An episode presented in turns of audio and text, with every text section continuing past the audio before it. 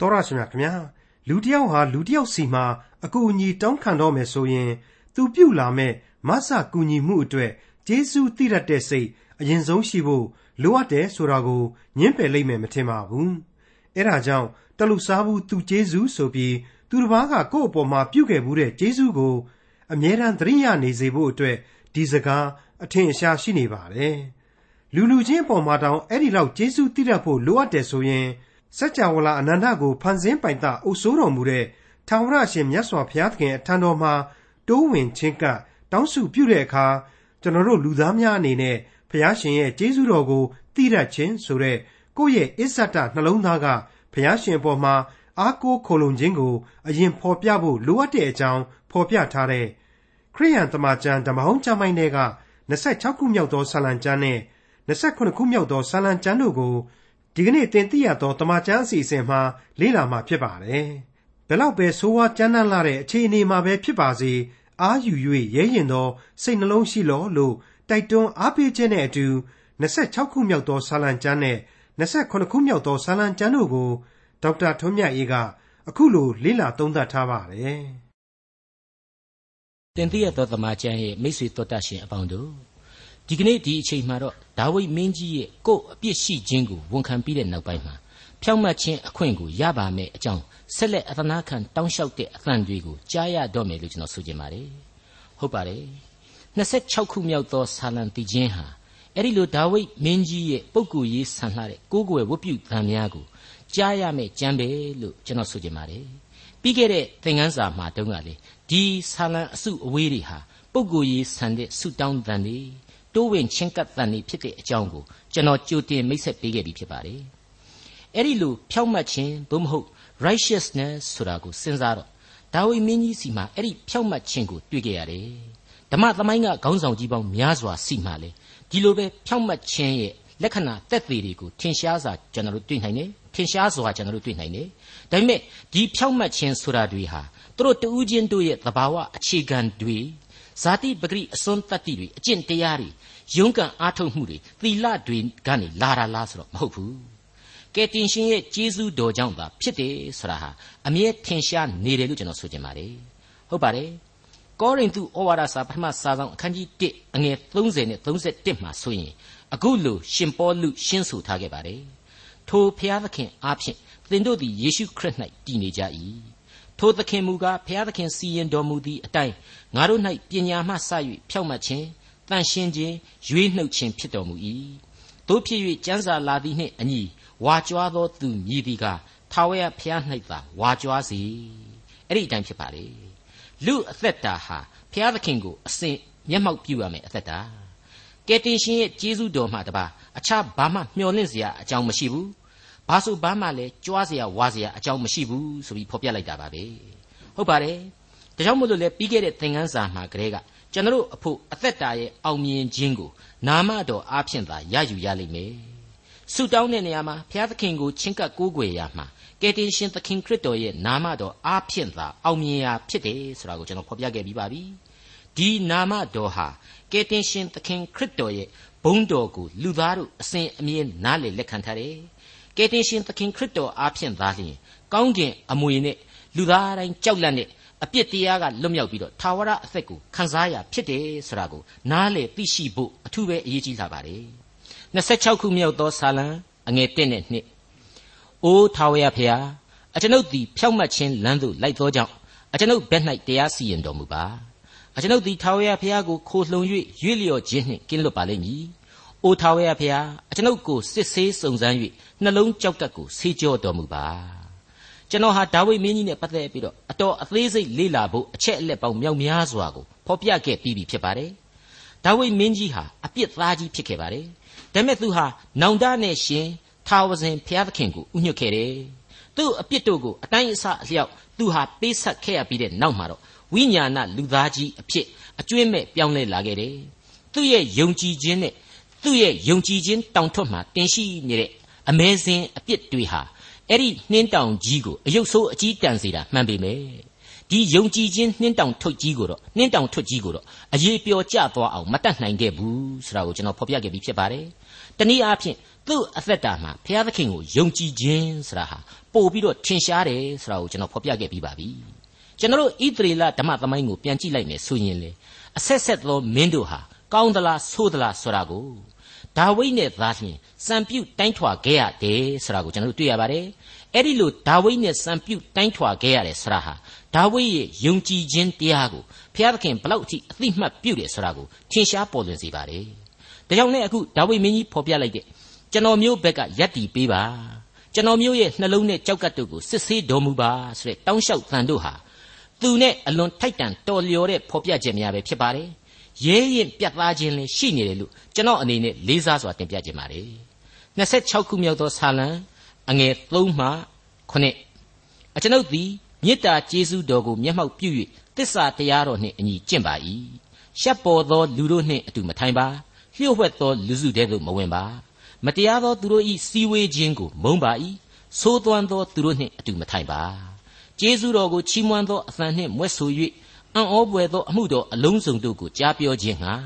အကျွန်ုပ်သည်ကိုလက်ကိုအပြစ်ကင်းခြင်းနှင့်ဆေး၍ရစ်ပလင်တော်ကိုဝန်းရံလျက်နေပါသည်ထာဝရဘုရားတခုမြောက်သောဆာလံသို့မဟုတ်ပထမဦးဆုံးကြားရတဲ့ဏိဒန်းပြိုလိုက်တဲ့ဆာလံတီချင်းတဲကမင်္ဂလာရှိသောလူရဲ့အကြောင်းကိုတကြော့ပြန်ပြန်ပြီးတော့ဖော်ပြလိုက်တယ်လို့ဖြစ်ပါတယ်ဒါဝိဒ်တို့ရဲ့အချိန်ကာလဟာပြည့်ညတ်တော်ကာလသာဖြစ်ပါတယ်တဲတော်ကိုဗဟိုပြုတ်ပြီးတော့ထာဝရဘုရားသခင်ကိုကိုးကွယ်ခဲ့ရပါတယ် ရစ်ပူဇော်ခြင်းနဲ့တကွအမျိုးမျိုးသောဝတ်ပြုခြင်းအစဉ်အလာတွေရှိခဲ့ပါတယ်ဒါကြောင့်မင်္ဂလာရှိသောသူတယောက်ပြုကျင့်ရာဝတ်ကိုဆက်လက်ဖော်ပြလိုက်ပါတယ်အကျွန်ုပ်သည်ကိုလက်ကိုအပြစ်ကင်းခြင်းနှင့်ဆေး၍ရစ်ပလင်တော်ကိုဝန်းရံလျက်ရစ်ပလင်နဘေးမှတင်ရှိနေပါသည်ထာဝရဘုရားဆိုတာဟာအထူးပြုထားတဲ့အချက်အဖြစ်မြင်ရပါတယ်ကျွန်တော်တို့ဒီကနေ့ယုံကြည်သူတွေအဖို့မှာတော့ကယ်တင်ရှင်သခင်ခရစ်တော်ရဲ့အသေးခံတော်မူခြင်းကိုယုံကြည်လက်ခံကြရမယ်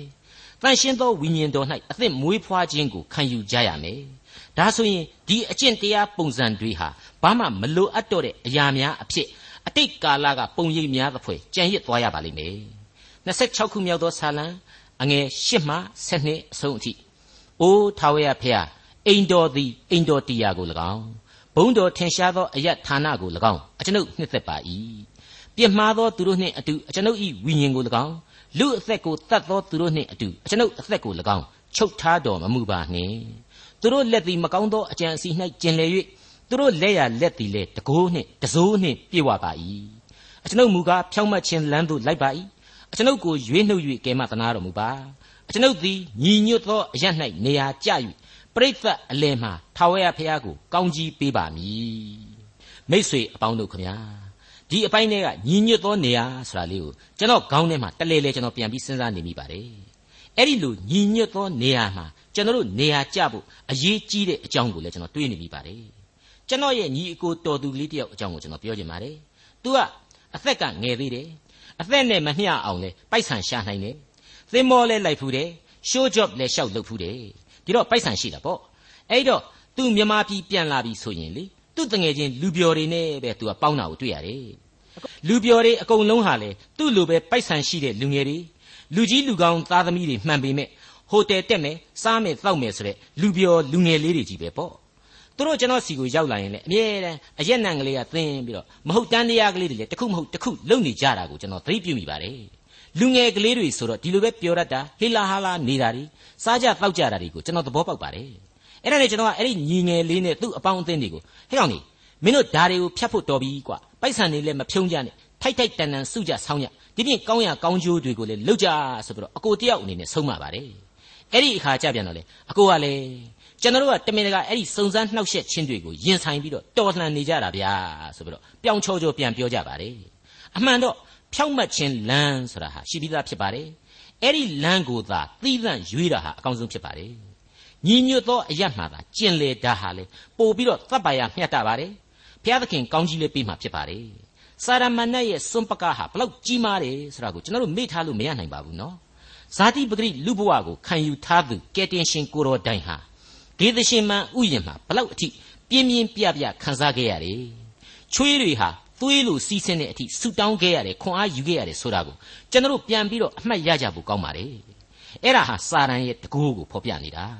ဒီလိုစာရမဏေရဲ့ပြင်းထန်လွန်းတဲ့ထိုးနှက်ချက်ဟာသာမန်ခွန်အားရဲ့လူသားနှလုံးသားကမခံရနိုင်ဘူးဆိုတာကိုသိတဲ့အတွက်ကြောင့်မို့လို့လေကယ်တင်ရှင်ဟာပေတရုနဲ့ယောဟန်တို့ကိုအဲ့ဒီအမှောင်တော်တွေကိုခေါ်မသွားခဲ့ဘူးမင်းတို့ဒီမှာပဲနေခဲ့ကြဆူတောင်းလျက်စောင့်နေကြလောဆိုပြီးတော့ဒါပြောခဲ့ပါတယ်ဆာလံဆရာကနေပြီးတော့ထာဝရဘုရားကိုကောင်းကြီးပေးပါမည်ဆိုပြီးတော့26ခုမြောက်သောဆာလံကိုအဆုံးသတ်လိုက်ပါတယ်ဒါဟာငါရဲ့ထာဝရဘုရားဟာငါ့ကိုကျေးဇူးပြုနေတဲ့အတွက် ငါကလည်းအားကြမခံကောင်းကြီးတွေကိုပြန်ပေးလိုက်တယ်ထာဝရဘုရားအနေနဲ့ငါကောင်းကြီးတွေကိုလက်ခံစေဗျာဆိုတဲ့သဘောမျိုးအရှင်းမဟုတ်ပါဘူးနော်ဂုံတော်ကိုချီးမွမ်းထောမနာပြုခြင်းတက်တက်တာဖြစ်ပါတယ်ကိုခံစားရကောင်းကြီးများဟာထာဝရဘုရားသခင်ထံတော်မှသာလာတဲ့အကြောင်းကိုကြေညာမောင်းခတ်လိုက်ခြင်းသာဖြစ်ပါတယ်မိတ်ဆွေအပေါင်းတို့ခမညာအခုအချိန်မှဆိုရင်28ခုမြောက်သောဆာလံတီချင်းကိုကျွန်တော်ဆက်လက်လေ့လာဖို့ရှိပါတယ်ဒီဆာလံတီချင်းအတွက်ခေါင်းစဉ်ကတော့ အလွန်တူတောင်းပြတ်သားတဲ့ခေါင်းစဉ်ပဲဖြစ်ရပါလိမ့်မယ်ဟုတ်ပါတယ်သူ့တောင်းစုဆိုတဲ့ခေါင်းစဉ်ကလေးပဲလို့ဆိုပြရစီအဲ့ဒီလိုသူ့တောင်းစုလို့ဆိုရမယ့်ဆာလံတီချင်းဟာကို့လိုဘကိုကြည့်ဖော်ပြခြင်းမဟုတ်ဖ ೇನೆ ကိုယ့်ရဲ့ကျေးဇူးရှင်အနန္တတကုရှင်ဘုရားသခင်ရဲ့ကျေးဇူးတော်ကိုချီးမွမ်းခြင်းများနဲ့ပဏာမပြုထားပါတယ်တနည်းအားဖြင့်စောစောကကျွန်တော်ပြောခဲ့တဲ့အတိုင်းထာဝရဘုရားကိုကောင်းကြီးပေးခြင်းများနဲ့ပဏာမပြုလိုက်တယ်လို့ကျွန်တော်ဆိုပြရစီ28ခုမြောက်သောဆာလံအငယ်1မှ3 ထာဝရဘုရားသည်ငါဤအလင်းငါကိုကယ်တင်သောအရှင်ဖြစ်တော်မူ၏ငါသည်အဘယ်သူကိုကြောက်ရအံ့နည်းထာဝရဘုရားသည်ငါ၏အသက်ခိုလှုံရာဖြစ်တော်မူ၏ငါသည်အဘယ်သူကိုကြောက်လန့်ရအံ့နည်းငါကိုအညှိုးထားသောရန်သူလူဆိုးတို့သည်ငါအသားကိုကိုက်စားမည်ဟုလာကြသောအခါခြေတိုက်မိ၍လဲကြ၏ငါတစ်ဖက်၌တက်ချကြတော်လေငါနှလုံးမကြောက်တတ်စစ်ချီ၍လာကြတော်လေထိုအမှုတွင်ပင်တည်ကြည်သောစိတ်ရှိလိမ့်မည် ဒီအပိုင်းဟာသေသေးချာဆန်းစစ်ကြည့်လိုက်ရင်ထာဝရဘုရားနှင့်ကျွန်တော်ဆိုသလိုဖြစ်မနေဘူးလားဟုတ်ပါတယ်ပြုတော်မူသောကျေးဇူးတော်တို့ကိုကျွန်တော်ဟာထာဝရဘုရားနဲ့ပတ်သက်ရင်အစဉ်တစိုက်ချီးမွမ်းရမှာပဲဘုရားသခင်ရဲ့ပြုတော်မူသောကျေးဇူးတော်တို့ဟာကျွန်တော်ရဲ့အသက်တာတစ်ခုလုံးကိုအစဉ်တစိုက်စောင့်ရှောက်နေတယ်မြဲမြံစွာထိမ့်သိမ့်ပေးထားတယ်ဆိုတာကိုဖော်ကျူးလိုက်ခြင်းနဲ့အတူတူပါပဲကျွန်တော်ရဲ့အသက်တာတွေဟာကော ဒီဆာလံတီချင်းကိုဖတ်ရှုပြီးရင်ဒါဝိမင်းကြီးအတိုင်းခွန်အားများပွားများလာအောင်ဝိညာဉ်ခွန်အားကိုဘုရားသခင်စမှာမတောင်းခံတိုက်ဘူးလားဘုရားသခင်ကိုမတိုးဝင်မချင်းကပ်တိုက်ဘူးလားတိုးဝင်ချင်းကပ်တဲ့နေရာမှာတော့သူ့ကျေးဇူးတော်ကိုသိတတ်ခြင်းဆိုတဲ့ကိုယ့်ရဲ့အစ္စဒနှလုံးသားကသူ့အပေါ်မှာအာကိုခိုလှုံခြင်းကိုအရင်ဖော်ပြဖို့လိုလိမ့်မယ်သင်ခန်းစာယူဖို့ကောင်းနေတဲ့အချက်ကတော့ကျွန်တော်ရဲ့ဘဝဇာတိလောကရန်ဟာအခုဖော်ပြသလိုပဲကျွန်တော်ရဲ့အသားသို့မဟုတ်ရုပ်ဘဝကို တနေ့နောက်တနေ့လိုက်ပြီးတော့ကြိုက်စားနေတယ်ဒါကြောင့်မို့လို့လေကျွန်တော်ဟာရုပ်ပိုင်းဆိုင်ရာဘဝမှာအစဉ်တစိုက်တနေ့ပြီးတနေ့အိုမင်းရင်ရောယိုယွင်းဖောက်ပြန်နေရတယ်သေခြင်းဆိုတဲ့အရက်စီအထိတတိတိတွန့်ပို့ခြင်းကိုခံနေရတယ်ဒါပေမဲ့ကယ်တင်ရှင်ကိုကျွန်တော်အားကိုးခိုးလှုံမဲ့ဆိုရင်ဘလောက်ဖဲဒီလောကရန်ဟာကြောက်မဲ့ဖွယ်ဖြစ်နေပါစေထိုအမှုတွင်ပင်တည်ကြည်ခြင်းရှိလိမ့်မည်ဆိုတဲ့အချက်ကိုဒါဝိဒ်အထူးပြုဖော်ညွှန်းလိုက်ခြင်းပါပဲ အထူးသဖြင့်စာဆိုတော်ကြီးဒါဝိဒ်ရဲ့ဘဝအသက်တာဖြစ်စဉ်တွေဟာလေအဲ့ဒီလိုဆက်ဆူနိုင်လောက်တဲ့အထိကောင်းကြီးများကိုတောက်လျှောက်ခန်းစားခဲ့ရတဲ့အသက်တာဖြစ်ကြောင်းကိုဓမ္မရာဇဝင်တွေမှာကျွန်တော်အသေးစိတ်လေ့လာပြီးခဲ့ပါပြီအခုလိုစာဖွဲ့နိုင်လောက်တဲ့အထိကြိုက်စားခြင်းတွေတွန်းတိုက်ခြင်းတွေဖျက်ဆီးခြင်းတွေနဲ့သူ့ဘဝဟာကြုံခဲ့ရတယ်ဆိုတာကိုကျွန်တော်ဘယ်လို့မှမေ့ထားလို့မရနိုင်ပါဘူးမိษွေတို့ကျွန်တော်အဖို့ထာဝရဘုရားသည်ငါ၏အလင်းငါကိုကယ်တင်သောအရှင် ငါ၏အသက်ခိုလှုံရာဖြစ်သည်ထို့ကြောင့်ငါသည်ယုံကြည်ခြင်း၌အစဉ်တစိုက်တည်ကြည်ရမည်ဆိုတဲ့အချက်ကိုအမြဲရင်ဝယ်ပိုက်နိုင်ကြပါစေလို့ကျွန်တော်သင်သိရသောသမာကျမ်းမှဆုတောင်းမေတ္တာပို့သလိုက်ပါရစေအခုဆက်လက်ပြီးတော့သူ့ဆုတောင်းခြင်းအတွက်သူအာယုံပြုပြီလို့ခန်းစားနိုင်လောက်အောင်28ခုမြောက်သောဆာလံဟာဆက်လက်တင်ပြသွားပါဦးမယ်28ခုမြောက်သောဆာလံအငယ်၄မှ6ထာဝရဘုရားဤတင့်တယ်ခြင်းအသရေတော်ကိုဖူးမြင်၍ ဗိမာန်တော်၌မွေ့လျော်ခြင်းအလိုငှာထာဝရဘုရား၏အိမ်တော်မှာတစ်သက်လုံးနေရမည်အကြောင်းဒီဟုသောအခွင့်တစ်ခုကိုထာဝရဘုရား၌ငါဆုတောင်းပြီထိုအခွင့်ကိုရှာရအောင်မည်အကြောင်းမူကားဘေးအန္တရာယ်ရောက်သည့်ကာလတဲတော်တွင်ငါ့ကိုကွယ်ကာတော်မူမည်ဗိမာန်တော်အတွင်းအရ၌ငါ့ကိုဖွက်ထားတော်မူမည်ကြောက်ပေါ်မှလည်းငါ့ကိုတင်ထားတော်မူမည်ယခုပင်ငါပတ်လည်၌ရှိသောရန်သူတို့အပေါ်သို့ငါ၏ဥကောင်းကိုချီးမြှောက်တော်မူ၏ ထို့ကြောင့်ဗိမာန်တော်မှာတဘိုးမှုတ်ခြင်းနှင့်တကွရစ်ပူဇော်ပါမည်တည်ခြင်းဆိုပါမည်ထာဝရဘုရားကိုထောမနာတည်ခြင်းဆိုပါမည်ထာဝရဘုရား၏အိမ်တော်မှာနေရမှာဟာတရက်မဟုတ်ပါဘူးတစ်နှစ်လည်းမဟုတ်ပါဘူးတစ်ခေတ်လည်းမဟုတ်ပါဘူးတစ်သက်လုံးတဲ့ဒါဝိဒ်အဲ့ဒါကိုအထူးပြုထားပါတယ်တစ်သက်လုံးဆိုတာဟာလူလောကသက်တမ်းကအသက်ရာကျော်နေရတာကိုမဆိုလိုပါဘူးအနန္တကာလကိုဆိုလိုခြင်းဖြစ်ပါတယ်ဟုတ်ပါတယ် အနန္တတကုရှင်ဘုရားသခင်ဟာအနန္တကာလကလေးကတည်ရှိခဲ့ပါတယ်ကျွန်တော်တို့ကိုလည်းသူ့ရဲ့ကျေးဇူးတော်အရေးမှာသာဝရအသက်ဆိုတဲ့အနန္တဆုကျေးဇူးနဲ့ပတ်ရစ်ပေးမှာဖြစ်ပါတယ်ထိုအခွင့်ကိုငါဆုတောင်းပြီပြီးတော့ဒီအခွင့်အတွက်ငါရှာရအောင်မည်တဲ့ကျွန်တော်တို့ဟာဒီကယ်တင်ရှင်ကျေးဇူးတော်ကိုငုတ်တုတ်ကလေးထိုင်ပြီးတော့အလကားရမယ်လို့တော့ပြောလို့မရပါဘူးပေါ့ပေါ့သွန်းသွန်းမတွက်ဆရပါဘူး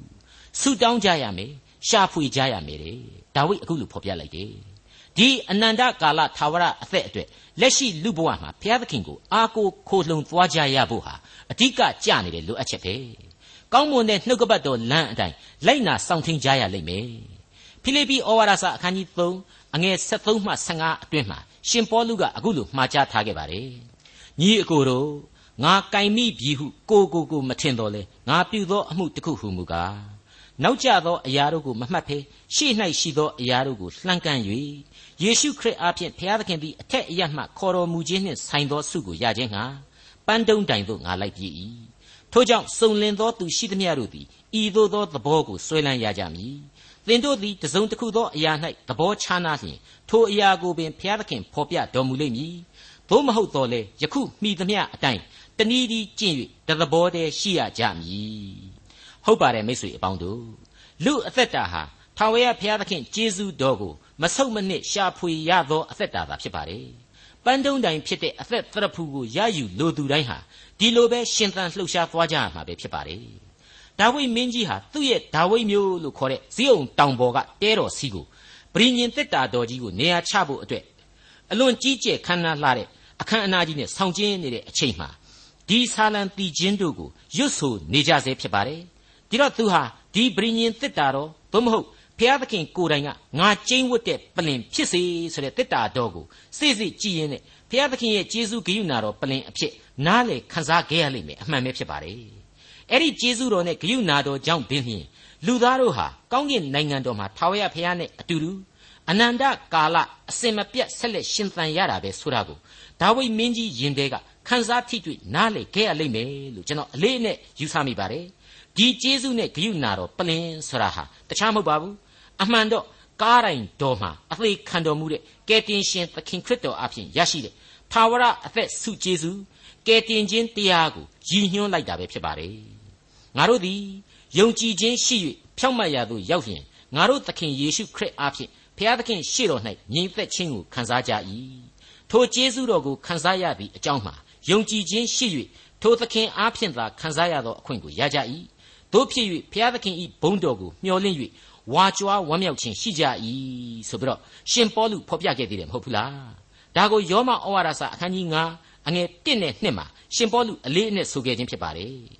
ခရစ်တော်ရဲ့အသေးခံတော်မူခြင်းကျေးဇူးတော်နဲ့ရှင်ပြန်ထမြောက်တော်မူခြင်းအပေါင်းတို့ဟာကျွန်တော်ရဲ့သာဝရဘုံစည်းစိမ်အတွက်ဖြည့်ဆွက်เสียဘာမှမလိုတော့သောဘုရားသခင်ဤကျေးဇူးနဲ့ဂရုဏာတော်ပလင်ပဲဖြစ်ပါတယ်ခင်ဗျာဘေးရောက်သောကာလ၌ တဲတော်မှာကာကွယ်မည်ဆိုတာဟာဘုရားသခင်ရဲ့ရှေးကာလဝတ်ပြုခြင်းသဘောတရားကိုဖော်ပြလိုက်တာဖြစ်ပါတယ်ကြောက်ပေါ်မှာငါ့ကိုတင်ထားမယ်ဆိုတာကတော့ကဲတင်ခြင်းသို့ရောက်ရာကြောက်ဖြစ်တဲ့ခရစ်တော်ကိုယုံကြည်ခြင်း၌စွဲမြဲစေမည်ကျေးဇူးတော်ကိုအရှံပယ်ခံစားရစေမည်မယိမ့်မယိုင်မတိမ်မဆောင်းမလဲမပြိုရဆိုတဲ့အတိတ်ပဲဖြစ်ပါတယ်မိษွေအပေါင်းတို့ခမညာ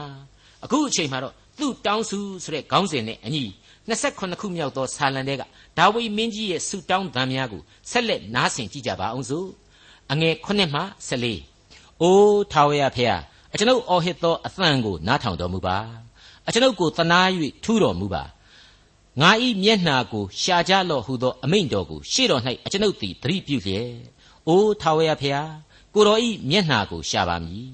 အကျွန်ုပ်ကိုမျက်နှာလွှဲတော်မမူပါနှင့် အမျက်ထွက်၍ကိုတော်ဤကျွန်ကိုပဲ့တော်မမူပါနှင့်အကျွန်ုပ်ကိုကယ်တင်တော်မူသောဖျား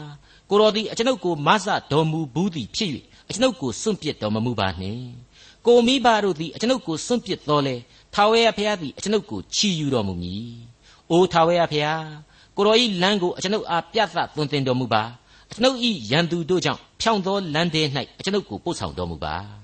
မမှန်သောတက်သေးကိုခံသောသူတို့နှင့်ညှင်းဆဲခြင်းဟာ ပြင်းစွာအသက်ရှူသောသူတို့သည်အကျွန်ုပ်တစ်ဖက်၌ထကြသည်ဖြစ်၍ရန်သူတို့အလိုတို့အကျွန်ုပ်ကိုအနှံတော်မမူပါနှင့်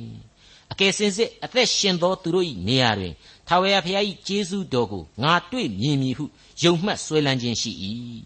ထာဝရဘုရားကိုမျှော်လင့်လော့အာယူ၍ရဲရင်သောစိတ်နှလုံးရှိလော့ထာဝရဘုရားကိုမျှော်လင့်လျက်နေလော့အခုကျွန်တော်ခရိယန်တွေအတွက်ခရိယန်စာပေအသင်းကနေပြီးတော့ upper room ဆိုတဲ့ ဝိညာဉ်ရိပ်သာစာအုပ်တအုပ်ကိုထုတ်ဝေပေးနေပါတယ်အခုနှောင်းပိုင်းမှာကျတော့ Youth for Christ လို့ခေါ်တဲ့ခရစ်တော်အတွက်လူငယ်အဖွဲ့အစည်းကြီးကနေပြီးတော့လေနေ့စဉ်ခွန်အားသို့မဟုတ် Daily Bread ဆိုတဲ့စာအုပ်ထပ်မံပေါ်ထွက်လာပြန်ပါတယ်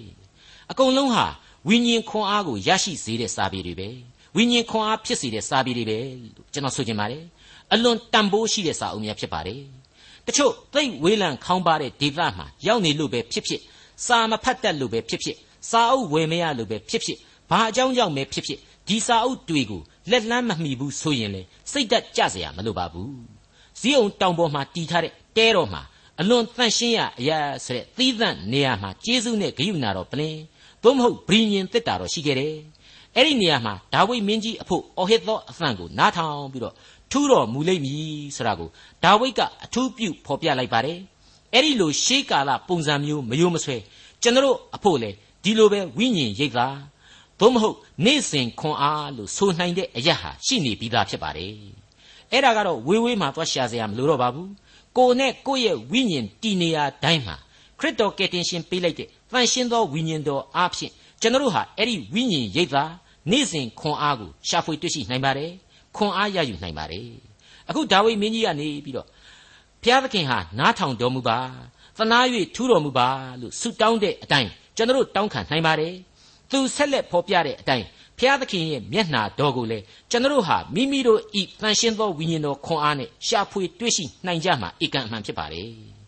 ကိုမိဘတို့ကကိုကိုစွန့်ပေမဲ့ဖျားသခင်ကမစွန့်ပစ်ဘူးဆရာဟာမိဘမေတ္တာကိုသိငယ်စေသလားလို့မေးစရာရှိပါတယ်လုံးဝမဟုတ်ပါဘူးလူသားတို့ရဲ့မေတ္တာဆရာဟာဖန်ဆင်းရှင်ဘုရားသခင်ရဲ့လက်ဝေခံအဆင့်လောက်သာရှိတဲ့မေတ္တာတဆင့်ခံမျှသာရှိတဲ့မေတ္တာ ပြေဝစုံလင်ခြင်းမရှိနိုင်ဘူးဖောက်ပြန်တတ်တဲ့အပြစ်နှလုံးသားတွေကနေသာဖြစ်ပွားတဲ့မေတ္တာမျိုးမို့လို့ယာနှုံးပြည့်စိတ်မချရဘူးဆိုတဲ့အချက်တီးကိုနားလေစီတာနဲ့အတူတူပါပဲမိษွေတော်တတ်ရှင်အပေါင်းတို့ခမညာမိษွေတို့မှာမိဘတွေတက်ရှိထင်ရှားရှိနေသေးဆိုရင်ပြန်ပြီးတော့စဉ်းစားနိုင်ပါတယ်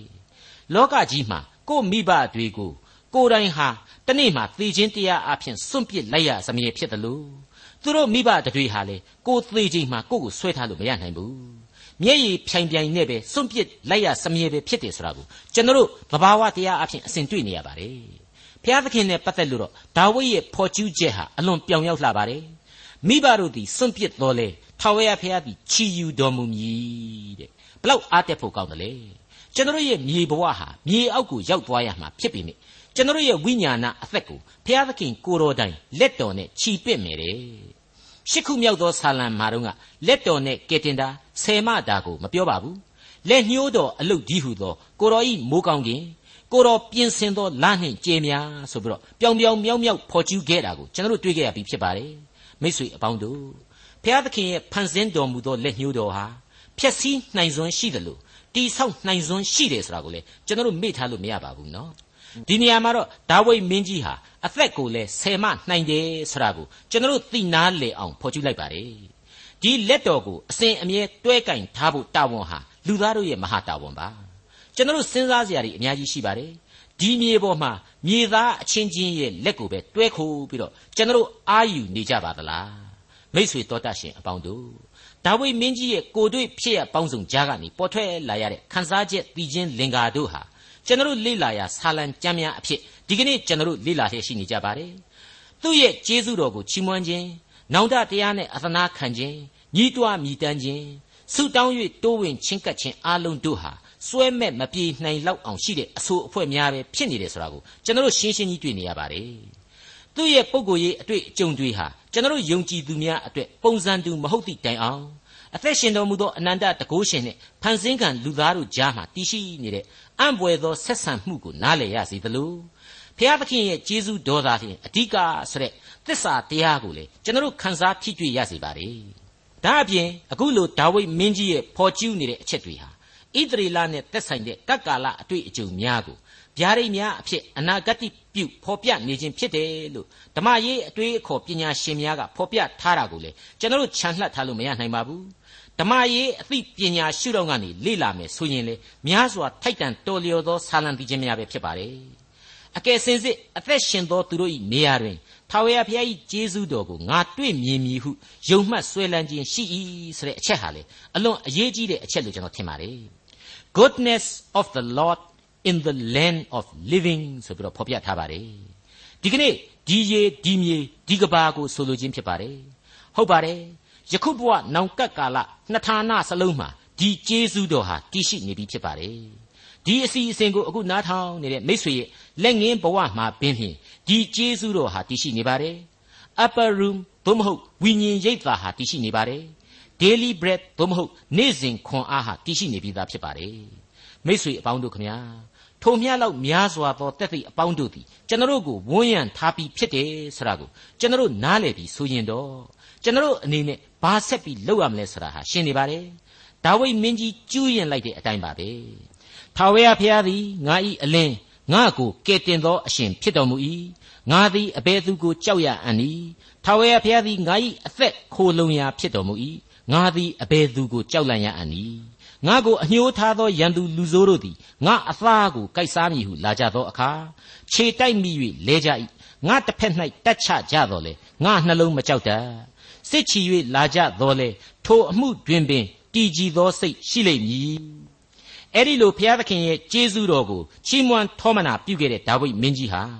29ခုမြောက်သောဆာလံရဲ့အဆုံးမှာတော့အကယ်စင်စစ်အသက်ရှင်သောသူတို့၏နေရာတွင်ထာဝရဘုရား၏ကျေးဇူးတော်ကိုငါတွေ့မြင်မည်ဟုယုံမှတ်ဆွဲလန်းခြင်းရှိ၏ထာဝရဘုရားကိုမျှော်လင့်လော့အာယူ၍ရဲရင်သောစိတ်နှလုံးရှိလော့ထာဝရဘုရားကိုမျှော်လင့်လျက်နေလော့ အဲ့ဒီလိုကျွန်တော်တို့ကိုဏိကုံးချုပ်တိုက်တွန်းအားပေးသွားခဲ့ပါတယ်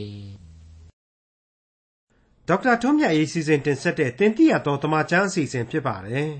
နောက်တစ်ချိန်အစီအစဉ်မှာခရိယန်တမချန်းဓမ္မဟောင်းကျမ်းပိုင်းမှာပါရှိတဲ့28ခုမြောက်သောဆာလံကျမ်းနဲ့29ခုမြောက်သောဆာလံကျမ်းတို့ကိုလေ့လာမှဖြစ်တဲ့အတွက်စောင့်မျှော်နားဆင်နိုင်ပါတယ်။